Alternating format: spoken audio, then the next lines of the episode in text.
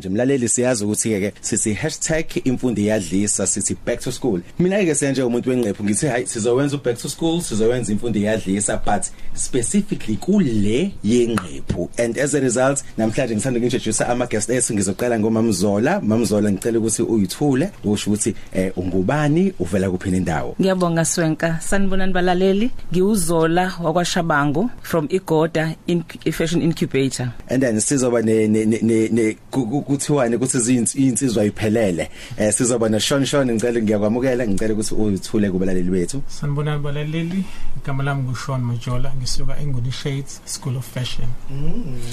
alright eh ngiyacabanga ukuthi siya umlaleli uyacabanga uya- uyasho naye ukuthi hawu sesizotshelwa ngenqephu sizotshelwa ngezikole ze fashion and then i think siyakubalekile ukuthi number 1 sazi ukuthi um as much as kukhona izemfundo ezi private kukhona but okubalekile kumele kube ukuthi zithiwe mazalisiwe and ukuthi zingakwazi certifications kubantu abafunda khona. Kuphi ubungozi mazingenakho lokho Swenka? Kodwa zimfundisile umuntu ikhona. ukuze siya kube kuthiwa kuthiwa umuntu uholelwa ophathe okusho ukuthi uyafundiswa kodwa ufundiswa into engasiyona noma ufundiswa into hayi ngendlela ekufanele ifundiswe ngayo. So kubalekile ke ukuthi uma sifundiswa number 1 sifundiswa abantu abavese baqeqeshiwe baqualify ukuthi basifundise. And number 2 kube ukuthi isikhungo leso a- uhulumeni nezinye futhi inhlaka kahulumeni uyazazi. Okwenzela ukuthi siya ungathi usuphumilekeke nesitifiketi sakho sakwaSwenka Fashion Academy bese kuthiwa hayi cha asisi recognize ngoba asazi ukuthi ubani uSwenka Fashion Academy akabhalwe ndawo. Kulungileke bakhona namhlanje sihleli nabo qhamuke ngoni Shades uShawn Majola kanye futhi noqhamuka kulo igoda eh umama eh Swenka eh ngicongkhumbuza uma igama lakhe? Umamzola Shabango. Mamzola Shabang wasigqokisa kuyikhalenda eminyaka ewu2 to 2017 no 2018 so bes- so besixoxa nabo ke namhlanje kule ngxoxo eh, uswenka anathi kuyo la khona sizothi kubaleke ngani ukuthi isikole asibe accredited. Okwamanje ligamenxe ihora lesibili. Emsazweni ukhozi FM 20 minutes before 3 still nomsoko uswenka uzokhuluma nabantu abamkantshubovu kwezenqephu abakhe akuhambe kwahambe emabhizinisini abo bakhetha ukuthi babe nezikole hayi nje ukuthi kube yizikole kodwa ngokusemthethweni esingasebenzisa igama lokuthi accredited. And yazi siya i think kubalekile because njengoba unyaka uqala nje abafundi sebeqalile bayahamba bayobheka izikole abazali nabo futhi bayakhokha. And kuba bhlungu kweke njalo umfundi usikhokhiwe imali imali eshisiwe hawu into akade uyifunda nali iphepha likhona but akakwazi ukungqongqonza ndawo ngenxa ukuthi isikole besingaregistiwe. Eh sihlale sithi ke ladies first. So ingakho ngifuna usimamzola siqale ngawe. Mhlawumbe nje usithathe kwijeni yakho because ngiyazi ukuthi uke wasebenza einhlakeni eziningi kule emkhakheni wezenqephu njengoba nje namhlanje sesikhuluma ukuthi ukwi urana igoda fashion incubator. Mhlawumbe nje ukubeka umlaleli isithombe noma umbeke emqondweni ukuthi uma mzola ne fashion ne- ne- neyigoda obani basukaphi Ngiyabonga kakhulu Swenka. Ngiphinde ngibingelela abalaleli.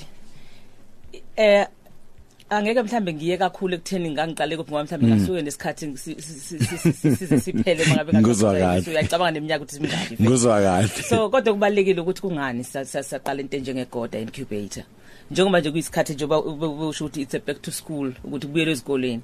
Ukuthi izingane masuke zifunda esikoleni akuzona zonke izingane ezi academic akuzona zonke izingane ezikwazi uku eziphasa abo science nabo bani. Bani kukhona lezi ngane lezi ezingafiti into in- into it zingakwazi ukuthi zinga- zingaba nalona. Ngoba vele ibizo lazo lus- luseceleni luka fashion and labo bantu labo bayadinga ngoba ene yona nto wona mkhakha ongakhavekile kahle ezikoleni makusuke kusasephansi ukuthi bakwazi ukufunda lawo makhono.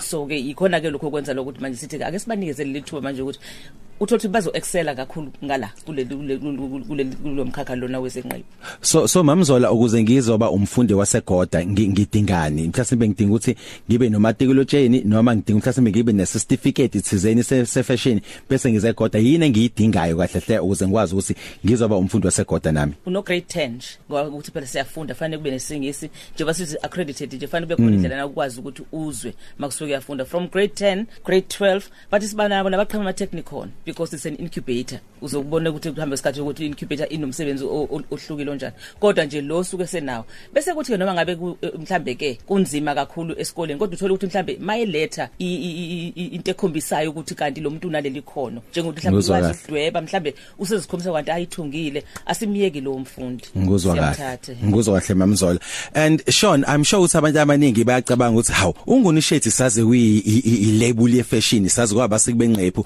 sinibonile umsebenzi wenu kuma catwalks a a national na international. Kodwa manje sekune sikubizwa ukuthi ingunishethi school of fashion.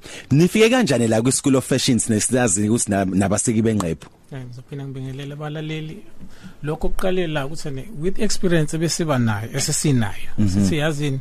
Masikhula asikhule siede ama skills ebhesini lethu because wonke umuntu ofika uyabuza ukuthi hayibo uyazi ngendlela umsebenzi wenu omuhle ngayo? Aninaso nesikole la ekhaya nifundisa so sihlale sithola lawo leyo mbuzo leyo mbuzo leyo mbuzo kuma clients ethu lakini sesithe yazini asizivula isikole. So bengizofika noNosipho akekho namhlanje so kugcine kuza mina noSipho so sigcina sesivuleka isikole keke so isikole sethu siqale ngo 2015 so siqhubeka kahle kona. And muzofunda enguni shades siye sithena i-fashion is for people aba creative mm. so siyamdinga umuntu ozoba nayo leya background yokuba artistic in terms of ukuthi akwazi ukuthi abe good ekusebenzeni ngezandla. So siya sikucheck lokho. Nje umamzoleke washo ukuthi nabo bayabheka ukuthi umuntu yini akwazi ukuyenza mhlawumbe khona into ayithungile before ungena esikoleni nathi siya sikucheck lokho ukuthi okay hayi lo muntu lungazi ukuthi good nakho uyakwazi ayihlanganisele into esekhaya. So sesimthathe simasese bese yakwazi ukuthi nabe ukufundwa sengunishade umfundi umezofunda eh, engoni shades esikoleni noma kuyigoda incubator ayikho yini into mhlambe esingathi noma simbongela ngokwekhono lakhe kusasa ukuthi hayi uyakwazi ukuthunga kodwa uyohleze nesandla sika Sean uyohleze nesandla segoda esimenza mhlambe ngisho noma esehamba iminyaka. Thina sithi hayi into ngiyasazi Stella sa Sean kanti sekuyena. Noma niyamsabalalisa njengolwazi mhlambe aqale wena Sean? No umuntu siyamsabalalisa ngolwazi but ukubone mawufunde from the best yabo? Njengami nje ngiyazazi ukuthi when it comes to doing izinto hayi cha ngenza sure ukuthi ile nto leyana. So even umfundi wami ngimenza sure ukuthi ngimnika le quality le eyenziwa yimina angaqhamuki nje aqhamuka izinto engacacile yabo? Yeah. so ngenza sure ukuthi le nto leyana mina engayifunda esikoleni ngiyakwazi ukuthi ngidlulisele kuyena. Ayenze exactly njengami and i'm very particular into efana nalezo. Mamzolo wena ungathini kuloko Kithina kuthe kuhluka kancane kulokhu kaShon because akuyena umuntu oyedwa osuke efundisa. Thina sine njoba ku incubator sinabantu abaningi abaqhamukayo abanamakhono ahlukeneyo. Ngiyabona. so uyakwazi ukuthi i- ikhono lom- lom- lomntwana likwazi ukusabalaka. Njengoba sikhuluma ukuthi nje kuba khona izinhlobo ezithile ezinto abasuke bezifunda as much as befunda bafunda ama basics akhona ukuthi ku- kwenz- kwenziwa kanjani mangabe ku fashion industry. Kodwa awufundi lokho ukuthi mhlambe uzoba u- u- i i- i- brand wena ngokwakho kuphela. Uyafunda nokuthi ukwazi ukusebenzisana nabanye. Kukakhulu kakhulu ngamabhizinisi kukakhulu sifundisa kakhulu about cooperation ukwazi ukusenza nabanye abantu nokwazi ukurealize u- u- acknowledge u- u- ukwazisa ukuthi omunye u- ugudi lapha ekudwebeni kodwa omunye yena ayi mase kuthiwa kalishaya iphethini uyalishaya iphethini omunye yena yinto nayenzayo yabantu sengisho ukuthi bayakwazi esibe lapha be lapha esikoleni bafunda zonke lezi zinto babone bakwazi ukuwa- ukuhlonipha ikhono lomunye azi ukuthi fanele ngilisebenzise. Mhlawumbe sasibize sibize ngokuthi mhlawumbe kule industry it's outsourcing la ungeza ukwenza khona yonke into. Uyabona ukuthi kanti kuhluka lapho mawusuke kuwuthi usebenza nomuntu mhlambe oyedwa ngoba ufunda lelo khono lelo. Kodwa mangabe kunjalo baningi abantu ufunda amakhono ahlukeneyo Mm, mm, ngiyabonga kakhulu mayazi. Into engiyithandayo eh, sikhuluma ngalento sikhuluma ngolimi lwethu. Ngiyazi ukuthi ziningi ezinye izikole ezibhaliwe zenqephu kukhona ODUT kukhona Otswana University of Tech of Technology eh kukhona ofezile Mdletshe Fashion Academy. Ziningi but ngifuna mina ukuthi sikhulume ngaleyo kuba accredited ukuthi ngi- ngi- si- sibona ngani sazi ngani ngiyakwazi ukuthi mangifika ngizo register bese ngithi ngicela ukubona amaphepha noma mamzola fanele kwenziwe kanjani ukuze umuntu azi ukuthi isikole noma umuntu isikole ahambisa ingane yakhe ingane yakhe kusona isikole esibhalisiwe. Ngiyakwazi ukuthi ngifike ngithi ngicela ukubona amaphepha ukuthi nisemthethweni noma kwenziwa kanjani. Ngokusemthethweni akufanele ukuthi uzwacele fanele ngaba khona wona nje mawungena. A-displayiwe A-displayiwe. displayiwe ukuze kube lula uku- uku- avoida yonke lento kuloku umuntu eyibuza. And eh, eh, into ebalekile mhlawumbe fanele sichaze ngendaba yeaccreditation eyokuthi mm, isiza wena kakhulu ngoba uhulumeni uthi lama ak- akube nama unit standards kube kube nohlelo indlela kufundwa ngalo ukuze kungabe ukuthi ngifunde egoda then angisakwazi ukuthi ngifithe in mangabe sengiya kwenye indawo. Usuya kwenye indawo. yonke indawo lento engiyifundisayo efundiswa lapha negoda iyafundiswa engunishades iyafundiswa naku wonke lamanye amanye ama- ezikole lezi ngoba into efanayo i- inama unit standards afanayo. So mangabe phuma nesitificate uphuma nesitificate esimenza akwazi ukusebenza yonke indawo kungabi into eyodwa. Sean the first thing ozoyibona i-accreditation status isodongeni. Isodongeni. Ya mhlawumbe wenzekele omunye angabonanga sesimchazela ukuthi no thina accredited nansi number la odongeni. And lokho kuyasiza kakhulu futhi ukuthi nje noma usuhamba usuyofuna umsebenzi usuqedile ukufunda kube lula. So mzali mfundi kuyilungelo lakho ukuthi uma ungena esikoleni eyo register kusona fanele ubone amaphepha abhaliwe inamba ukuthi lesikole lesi ozokhokha imali yakho kusona uzokwazi ukuthi uphume nequalification ozothola ngayo umsebenzi. Sesishawa isikhathi ngiyathemba ukuthi sizophinde sibe ne chance ukuthi sibuye sizokhuluma ngemkhakha eminingi ngaphansi kwenqephu because isakhona lento lokube sengathi umuntu uma fashion uyi fashion designer kuphela. So nje sizokwenza isikhathi kahle sikhulume ngeminye imkhakha eminingi. Before ngintedele nje nama sethole ama im- imininingwane yenu ukuthi nitholakala kanjani nitholakala kuphi ofuna ukuba nolwazi ukuthi yini ni offerishayo bangaya kuphi mhlawumbe basicela ngayo mamzola bese siyayivala ngoshona Okay, igoda incubator lila kumngeni road. Uh it's number 909 Umgeni road. Uh sibe nane website yethu eh la ukwazi khona ukuthi usithole khona uzothola khona information eningana ngesikole ukuthi siyini www.igodaincubator.com. Siphinde sibe ne Facebook handle yakhona igoda incubator kanjalo ne Instagram.